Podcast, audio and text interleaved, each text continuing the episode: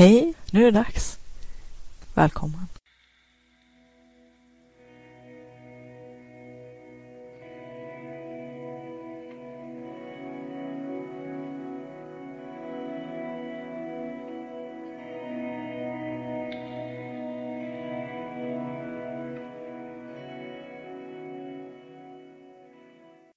Vill du uppleva mera kreativitet och flow, få mer kvalitetstid till ditt skapande och kreativa liv, mer energi och lust, tillgång till dina kreativa superkrafter?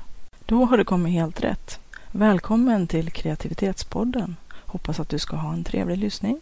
Hej och välkommen till Kreativitetspodden igen. Idag skriver vi avsnitt 21 och eh, jag tänkte att eh, jag skulle hänga på en liten sak från förra avsnittet. Förra avsnittet handlade ju om hur röster från vårt förflutna, från vårt förgångna, från historiska röster kanske. Um, ja, vi kanske inte riktigt är så gamla att vi kan säga så. Men röster ifrån förr, ifrån vår barndom och våran uppväxt kan ju ha präntat in en del negativa mönster i oss. Speciellt de här rösterna som har präntat in i oss vad vi kan och vad vi inte kan och vad vi ska och vad vi inte ska och vad vi borde och vad vi inte borde och, och allt det där ah, bla bla bla bla bla bla som jag brukar säga. Men en sak som man i alla fall kan konstatera oavsett vem som står för det negativa pratet, om det är någon i vår omgivning eller om det är ett inspelat, en inspelad röst från förr. Någon som har präntat in och det här spåret har blivit kanske djupt i med, med år och längd och saker som har sårat oss mycket brukar ju ofta sätta störst spår och har kanske också genererat de här äh, inspelade banden som vi sen fortsätter att plåga oss själva med. Det här negativa självpratet, den här äh, ganska aggressiva, otrevliga inre kritikern som eh, till och med är nästan ännu värre än de som ursprungligen levererade de här budskapen eller vad man ska kalla det, de här eh, inspelade banden. Men det som jag vill komma fram till är ju, har ni tänkt på, eller har du tänkt på, hur um, djupt det kan skära med någonting negativt, en negativ röst, en kritisk röst. Att vi kan sätta sådan tilltro till det som är sagt, som är negativt. Jag brukar tänka och, och brukar också säga det att många gånger, det, det, var faktiskt också en sak som vi hade som motto där jag jobbade, att eh, man kan få 300 positiva omdömen eller betyg för jobb man har gjort som har varit jättebra. 300. Men det räcker med ett enda negativt så är det det som blir kvar. Att vi måste göra 300 till bra för att liksom tvätta oss rena från ett negativt. Eller är det verkligen så? Är det inte kanske så att oavsett om man har fått en hel stack med positiva omdömen och betyg och folk sagt vad de tycker och tänker när det har varit någonting positivt. Men att vi skakar av oss det. Det är liksom ungefär som vatten på en gås. Det bara faller av oss. Vi tackar eller så är vi jättegenerade och tycker det är himla pinsamt att någon säger någonting positivt. Även om vi blir jätteglada naturligtvis innerst inne. Och efter att den pinsamma, det pinsamma ögonblicket är över och, och långt i efterhand kanske så kan vi tycka att det är ganska värmande och så. Men eh, tar ju också lite grann udden utav allting positivt. För då intalar vi oss, nej men så menar ju inte den. Eller eh, det var mm, jag inte förtjänt av och en massa negativa saker som sen sablar ner de här positiva budskapen som vi faktiskt också får. Och det jag tänker det är att vi kanske får 300 positiva betyg och omdömen. I alla fall väldigt många. Men de stannar ju inte speciellt länge. De bara fluffar av och försvinner bort i horisonten ungefär lika snabbt som de har dykt upp. Och så kommer vi inte ihåg dem. Men det där enda negativa som någon har sagt, det sitter som berget. Det är helt, helt hopplöst att ta bort en enda negativ grej. Som det verkar i alla fall. Nu kanske det här äh, känns jättenegativt. Men det jag vill komma fram till det här är lite en trestegsraket faktiskt. Det jag vill komma fram till är att eh, om någonting så negativt, en enda kritisk eller negativ eh, tanke eller, eller som någon har sagt eller skrivit eller gjort mot oss kan sitta så där hårt, kan bli ett sånt djupt spår och att det faktiskt påverkar oss, för det tror jag inte någon, någon av oss förnekar hur hårt det har tagit på oss att få höra någonting negativt. Och jag tror att de allra flesta också kan skriva under på hur lätt vi bara fluffar bort positiva saker. Men min tanke är den att om vi nu faktiskt kan erkänna för oss själva att någonting som är negativt som någon har sagt eh, verkligen har gjort skada eller i alla fall sitter hårt som berget och verkligen har påverkat oss. Då borde ju faktiskt också positiva saker ha en chans att kunna tränga sig in och bilda spår i våran hjärna också. För att eh, det går ju liksom inte bara åt det ena hållet. Och varför vill jag säga det här? Dels så vill jag ju liksom att man ska få syn på och kanske för sig själv reflektera över att faktiskt hur lätt vi har att bara vifta bort positiva saker. Positiva upplevelser, positiva omdömen, när folk har sagt någonting snällt eller visat att de uppskattar oss, att de tackar oss. Men, men att det bara fluff, så bara försvinner det. Så är det borta nästan samtidigt som någon har sagt det. Medan vi som sagt biter oss fast kring det här negativa. Det sitter som berget. Är vi kanske lite, lite ensidiga här på något sätt? Är det lite lättare att bara plocka fram det här negativa och bara bita sig fast vid det negativa, de här negativa budskapen som vi får i livet. Medan det kanske har bara passerat förbi minst lika många, eller kanske många, många fler positiva sådana.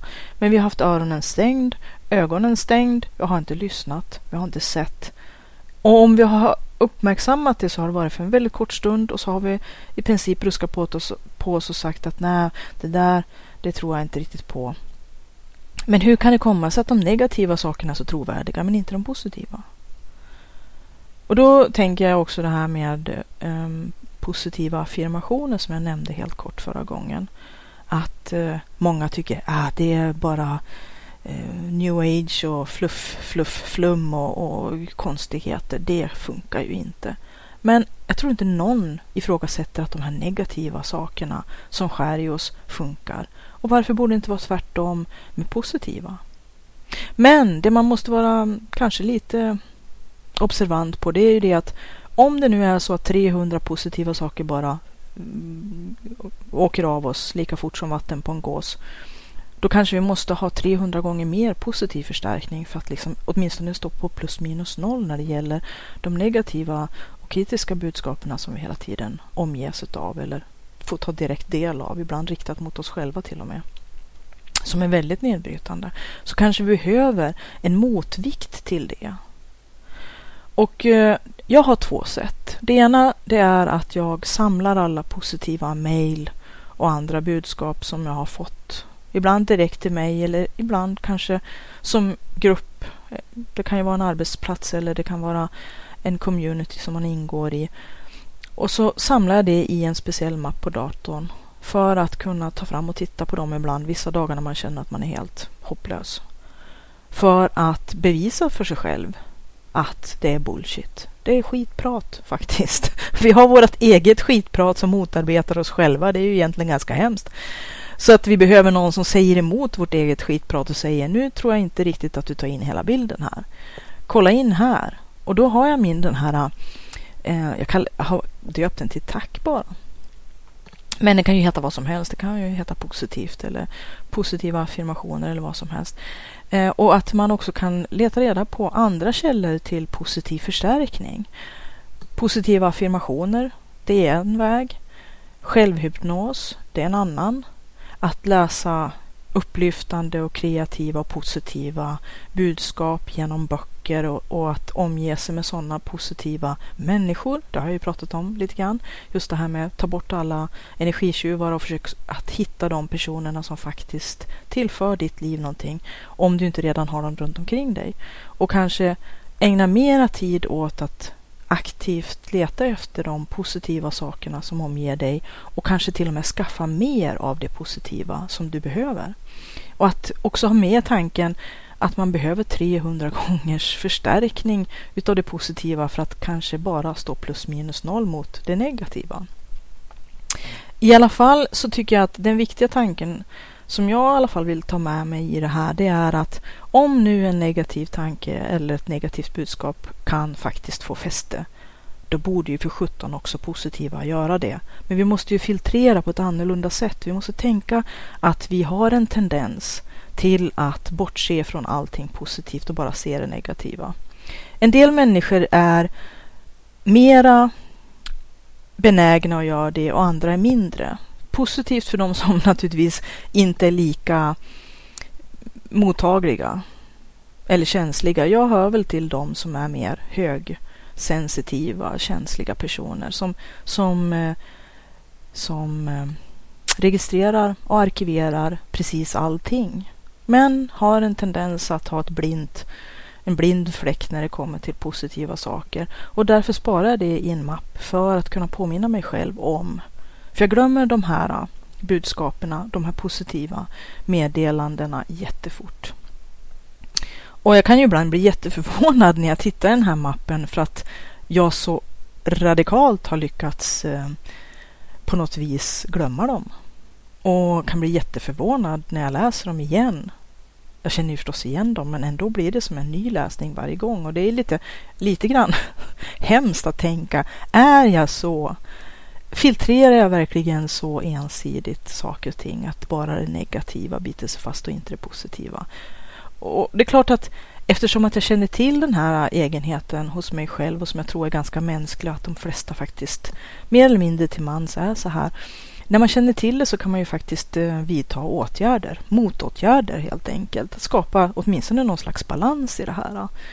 Och det positiva i det här är ju det som jag vill framföra att om det negativa funkar, om vi är överens om det, vilket jag tror de flesta inte nekar till, då borde också positiva affirmationer göra det. Också positivt självprat. Ehm, och ehm, det var väl lite grann för att hänga på här, den senaste podden. Men samtidigt så finns det ju en eh, naturlig förklaring bakom varför vi har den här filtreringen. Så att det inte bara det att vi råkar vara eh, navlade på ett visst sätt, utan det är att det finns en, en evolutionär bakgrund till det hela. Tyvärr så är ju evolutionen väldigt långsam, så den hänger ju inte alls med i vårt eh, moderna liv. Vi är ju fortfarande bestyckade och fungerade ungefär som vi gjorde under hedenhös och eh, stenåldern. Vi är byggda för överlevnad, vi är byggda för anpassning och ibland så, så gör det där lite grann krokben för oss själva. Det är bra egenskaper för det mesta, i alla fall om man står där på den afrikanska slätten och har en hungrig, eh, ett hungrigt lejon som lurar i, i det höga gräset. Då är det jättebra att ha vissa eh, funktioner inbyggda och det har vi. Men många gånger, som sagt, så i, för en modern människa så kan ju de här eh, evolutionära fördelarna vändas emot oss och bli negativa eh, nackdelar helt enkelt. Och vår förmåga att filtrera allting som är negativt, alla obehagliga upplevelser, det är ju faktiskt för att vi för överlevnads skull ska mycket mera notera saker som kan vara vettigt att skydda sig mot i framtiden. Det vill säga att om vi har märkt att varje gång vi gör en viss sak så leder det till att det svider i skinnet och aj, aj, aj, och att vi kanske, ja, i alla fall under stenåldern var nära på att stryka med. Att vi aktar oss för det som vi upplevde som obehagligt och farligt eller rent av bara sved i skinnet på ett sätt som vi inte vill uppleva igen.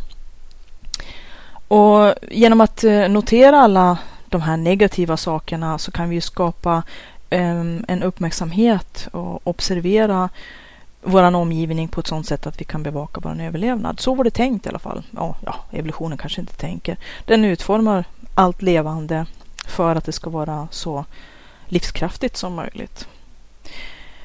Så att eh, en annan del i det hela som eh, evolutionen har försett våra hjärnor med, eh, den, den mänskliga hjärnan, det är ju att hela tiden försöka se mönster dra prickar mellan olika punkter och försöka se mönster är ju jättebra i många sammanhang. Men det är samma sak där. Att våran hjärna ibland spelar och spratt och så ser vi mönster där det inte finns mönster. Eller att vi nödvändigtvis försöker tvinga på mönster på saker som händer i våran omgivning för att våran hjärna tycker om att se mönster. Det är tryggt att se mönster. Då vet man hur man ska läsa sin omgivning. Och det var ju det som evolutionen ville från början för att vi skulle bli så livskraftiga som möjligt. Men ibland så ser vi ju bara negativa mönster överallt. Och lite grann till och med kan känna att alltihopa är riktat mot oss själva. Inte för att man behöver vara någon, någon slags konspirationsfanatiker eller rent av foliehatt som en del brukar dra till med när de vill klämma åt folk ordentligt som de tycker inte beter sig rationellt. Men våran hjärna och våra känslor och vårat lilla panikcentra i hjärnan är ju inte speciellt rationellt. Vi ser jättefort negativa mönster och så sen så blir ju det kan ju det till och med resultera i att man blir rädd för rädslan. Att vi till och med blir rädd för att ens uppleva eh, det som utlöste rädslan för att vi är rädd för rädslan i sig. Men rädslan i sig är ju egentligen inte farlig. Och många gånger i alla fall de flesta människor som lever nu i ett modernt och hyggligt fysiskt tryggt liv så, så kan ju vårat lilla panikcentra, amygdala, utlösa brandkårsalarm och akutlägen och sätta på saftblandarna lite titt som tätt för saker som kanske bara är den här negativa förstärkningen och våran hjärnas sätt att söka efter mönster. Så att eh, det är lätt att, eh, att säga så förstås. Det är ett annat gig att försöka stävja och motarbeta de tendenserna eller den lilla egenheten som vi har som människor i stort. Och kanske allra helst om man redan har de här eh, förstärkta problemen med kanske fobier och rädslor, panikångestattacker och så, då är det inte så himla lätt att, att bara säga att man ska bortse ifrån det. Det går ju inte. Men jag tänker att eh, en viktig del kan vara att försöka skriva över de här djupa mönstren, de här djupa spåren i vår hjärna som ett liv många gånger kan rista in rätt hårt i oss. Och det kan man ju göra medvetet och med sig själv, i sig själv. Att söka upp de positiva förstärkningar som gör att man mår bra. Ja, i alla fall så länge de inte är destruktiva. Att dricka sprit och ta droger är inte precis, eller käka piller är inte precis en lösning på lång sikt. Och även om man kanske mår lite bra just i stunden, eller i alla fall har dövat sig så pass mycket att man inte känner, så kommer ju fakturan oftast sedan och det kanske inte är en lösning på lång sikt. Men just det här med att um, utveckla och arbeta med sig själv. För egentligen, det, vi har med oss hela tiden genom livet, det är oss själva. Allt annat kan både tas ifrån oss och, och ges tillbaka eller som vi kan förtjäna eller få eller råka ramla på. Positivt som negativt. Det enda vi egentligen har med oss överallt, det är oss själva. Och genom att investera i sig själv, arbeta med sig själv, utveckla sig själv och försöka jobba med de bitarna som är angelägen för en själv. Vilka de nu än är, det vet ju inte jag för dig eller du för mig. Det kan ju vara oerhört olika. För någon kan det ju vara att utmana sig själv att, att uh, övervinna en viss rädsla eller ett visst mentalt hinder. Att våga köpa, kö, köra sitt race helt enkelt. Att våga söka det där jobbet. Våga stå upp och hålla en föreläsning. Någonting som 85 procent utav alla människor tycker är det nätt upp värsta de kan tänka sig faktiskt. Men genom att träna sig själv och eh, bearbeta och jobba med sig själv så kan man ju faktiskt nå jättelångt. Men det sker ju inte över natten. Det är det att vi vill redan kunna och redan vara världsbäst och vara garanterade resultat och veta att det kommer att gå bra. Vi är lite lustiga på det sättet att vi ska ha någon slags garanti, men det finns inga garantier.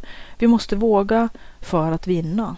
Och ibland måste man också, som jag pratat om tidigare, våga utsätta sig för misslyckanden för att till slut, kanske inte omedelbart och inte direkt, vinna. Men att med medvetet och målinriktat arbete åt ett visst håll som man har bestämt sig för så kan man faktiskt nå väldigt långt. Och man kan bryta ner allting i små, små steg. Vad kan jag göra i mitt nästa lilla steg för att nå de här målen, delmålen också som jag har satt upp. Om det handlar om att eh, till slut kanske klara av att hålla en kortare föredragning eller föreläsning eller prata inför en grupp till exempel så kan det ju handla om att mer och mer hamna i sådana situationer där man måste prata inför andra människor. Men att man gör det i små steg så att man hinner bli både lite avtrubbad och lite van. Kanske inte för små steg för då kanske man aldrig kommer fram. Många gånger kan det ju vara att man prokrastinerar för att egentligen i grund och botten slippa ifrån någonting som man har, har i grund och botten också för sig själv önskar och längtar och hoppas och bara vill lyckas med. Men att man måste vara lite ärlig mot sig själv också. Att man kanske inte bara kan slippa undan hela tiden och ha en massa saker att skylla på. Men att man inte heller å andra sidan ska utsätta sig för helt orimliga och fantastiska målsättningar som bara kommer att eh, slå en i huvudet för att de är omänskliga helt enkelt.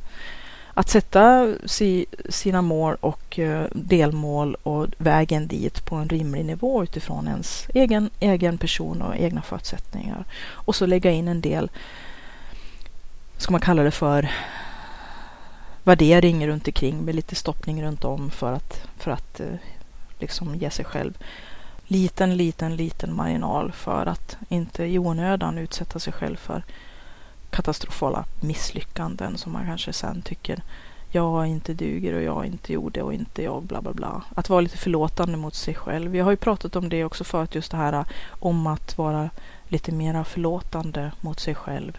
Att vi kräver så mycket av oss själva som vi faktiskt, i alla fall de flesta människor, inte kräver av andra. Men att vi kan vara oerhört brutala och hänsynslösa mot oss själva. Att vara förlåtande mot sig själv, men samtidigt också kanske inte köpa vårt eget bullshit om vi försöker liksom prokrastinera eller säga att vi har vissa mål men inte jobba efter att försöka uppnå dem på riktigt. För då blir vi bara ledsen och besviken på oss själva. Det är nästan bättre att inte ha det som mål i så fall. För att om man inte tänkt jobba med det, då kommer man ju ändå inte att komma någonstans och så blir man bara besviken för att man får lägga det till höger utav ytterligare saker som man har sagt sig eller lovat sig. Det är lite som nyårslöften. Lova saker som du har tänkt hålla helt enkelt. Och ge dig själv en schysst chans att faktiskt klara dina mål. Men utan att vara för snäll eller för slapp, liksom, rent ut sagt. Och när du stöter på patrull, förlåta dig själv och vara snäll mot dig själv också. För li lite grann som jag var inne på, just det här med att vi har ju bara oss själva med oss i livet. Vi, guld och, och gröna skogar och allt annat vad vi nu kan ha dragit på oss. Det är ju ingenting som vi kan räkna med att få behålla. Men våran kunskap och våra erfarenheter och den, den vi är och den vi utvecklar till att bli som person våran kreativitet, våra fantasier, det vi vill skapa, det kan ingen ta ifrån oss. Våra idéer, våra innovationer, våra drömmar och visioner, de har vi med oss så länge som vi lever. Så att eh, det är ju det ena och det andra är att vi måste vara vår egen bästa vän många gånger. För att eh, om ingen annan finns till hands, då måste vi ta hand om oss själva. Och där tror jag att det finns väldigt många personer som inte riktigt jobbar mot att ta hand om sig själva. Dels kan det vara att man har eh, någon slags eh, negativ bild av sig själv som gör att man inte tycker att man förtjänar att ha det bra. Det låter ju hemskt att behöva säga det. Och där kanske man måste börja grotta och bearbeta de delarna i sig själv. Tömma ryggsäcken som jag pratade om också i förra avsnittet och jobba igenom. Och om det är saker som man inte mäktar med själv, ta hjälp av betrodda, utav vänner, sådana man har förtroende för som man vet är vettiga och som kanske kan ge en hjälp. Men också inte vara främmande för att kanske skaffa sig professionell hjälp då man behöver det. Men eh, nu kommer jag lite grann ifrån ämnet som egentligen handlar om det här med positiva förstärkningar. som jag tror stenhårt funkar. Det är bara det att vi känner oss lite grann som en hund i t-shirt när vi ska säga till oss själva. Jag vet ju som till exempel Joanna Penn, en numera väldigt känd eh, och duktig eh, självpublicerande författare som har massvis med böcker och, och lever på sitt skrivande. Och till och med hennes man har kunnat säga upp sig så hon, han jobbar också i företaget tillsammans med henne. Att hon, när hon ville säga upp sig från sitt arbete som hon vantrivdes så fruktansvärt med, gick in för att upprepa för sig själv att hon var kreativ, att hon var författare, att det var någonting som under väldigt lång tid fick det verkligen att vrida sig i kroppen på henne för att hon hade svårt att tro på det, tro på sig själv och tro på saker som var positiva förstärkningar, de här positiva affirmationerna. Att det kan, kan kännas oerhört eh, utmanande faktiskt att säga någonting positivt om sig själv. Och det kan jag ju dels tycka känns väldigt eh, Ehm, tragiskt naturligtvis, men också så har jag full förståelse eftersom att jag är människa så vet jag ju utav egen erfarenhet hur svårt det är att, att uh, säga positiva saker till sig själv. Och kanske i förlängningen också om man nu ska haka lite grann extra på det här så är det ju det att vi kanske ibland är lite bittra och cyniska över att ingen vet och ingen förstår och ingen bryr sig och alla bara tänker på sig själv och ingen tänker på mig. Men att de här enkla små orden tack och förlåt kommer väldigt, väldigt, sitter väldigt långt, långt inne för många och även för oss själva att fastän att vi dels eh, har svårt att ta till oss när någon säger någonting positivt så vill vi gärna höra det. Men vi kan också vara väldigt dåliga på att ge den feedbacken, den här positiva förstärkningen. Att bekräfta andra samtidigt som vi allihopa går omkring och, och drömmer om och längtar efter och, och, och verkligen ja, så svårt behöver bekräftelse många gånger av någon annan. Men vi är väldigt dåliga på att ge bekräftelse. Det hänger ju inte riktigt ihop. Där går inte riktigt ekvationen ihop. Så att man måste ju också kanske vara lite uppmärksam på sig själv gentemot andra personer. Och ändå på något sätt tänka att även om jag skulle bekräfta andra och ge positiv förstärkning och försöka säga tack och förlåt oftare och se andra människor så är det ju ändå inte alltid möjligt eller kanske väldigt sällan som man får den här bekräftelsen som man behöver.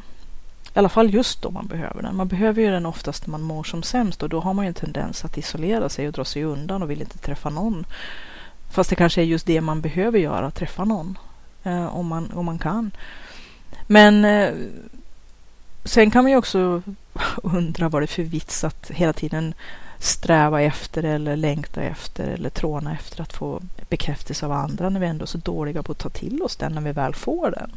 Det är ju liksom lite ironi här också på något sätt. Nu ska jag inte kasta sten i glashus för jag är usel på det själv och tycker att det är naturligtvis oerhört underbart att få positiv bekräftelse men jag är skitdålig på att ta emot den och känner mig verkligen pinsam pinsam liksom. Fast egentligen skulle det behöva vara så svårt att bara säga tack. Det behöver ju inte egentligen vara svårare än så att säga tack. Man behöver inte komma med massa ursäkter. Ja, men nej, men det var ingenting och jag bla bla bla. Vi har ju en tendens att skriva ner oss själva omedelbart om någon kommer med någonting positivt. Varför inte bara skippa det här negativa självpratet som vi till och med då eh, säger helt eh, ja, med, med hög röst gentemot inte bara sig, oss själva utan även andra. Varför inte bara säga tack? Ett enkelt tack, det är ju jätteokomplicerat. Och den personen som faktiskt har gett en feedback, som har gett en positiv bekräftelse, som har velat säga någonting positivt, de blir ju också faktiskt lite grann, ja om jag ska vara lite rak och, och säga som jag tänker, blir ju lite pissade på också. Vem skulle vilja fortsätta säga någonting positivt till folk som bara slår ifrån sig och blir allmänt eh, rätt, kanske, kanske inte otrevliga, men eh, liksom att det blir ganska, ganska pinsamt. Varför inte bara säga tack? Tack. Eller man kan till och med lägga på tack, jag uppskattar jättemycket för att höra det. Det behöver inte vara så komplicerat, men eh, jag är inte den bästa på att ta emot positiv feedback alla gånger eftersom att vi har ju det så väldigt djupt också inrotat i oss med Jante av det här. Du ska inte tro att du är någonting. Och att det är väldigt lätt att eh, vilja mildra omständigheterna. Det låter hemskt att behöva säga det. Man får positiv bekräftelse och någon säger någonting jättetrevligt. Så vill vi på något vis släta över. Liksom. Det, det, det måste vi jobba med. Både jobba med att kunna ta emot positiv feedback. Jag tycker i USA är det liksom lite lättare för där är det okej okay att lyckas. Där är det okej okay att det går bra för en. Där är det okej okay att säga att vilken tur och vad, vad kul och vad underbart och vad fint för någonting som någon har lyckats med eller som någon person är. Och så säger man Good for you. Varför kan inte vi svenskar också göra det? Säga Good for you och verkligen mena det. Att det ska vara så komplicerat. Vi måste utrota janteandan helt enkelt. Jantelagen är nog ett av de värsta som någonsin har eh, implementerats i mänskligheten, i alla fall i den svenska befolkningen. Det kanske finns i andra länder lika mera eller lika mycket eh, inrotat som hos oss. Jag vet inte om vi är värst. Alla kanske tycker att just de är värst på något sätt. Eh, men ändå så tycker jag just det här till USA är det mer okej okay att eh, lyckas. Så att det är mer okej okay också att säga good for you. Det är inte så komplicerat. Och det borde ju egentligen inte vara det.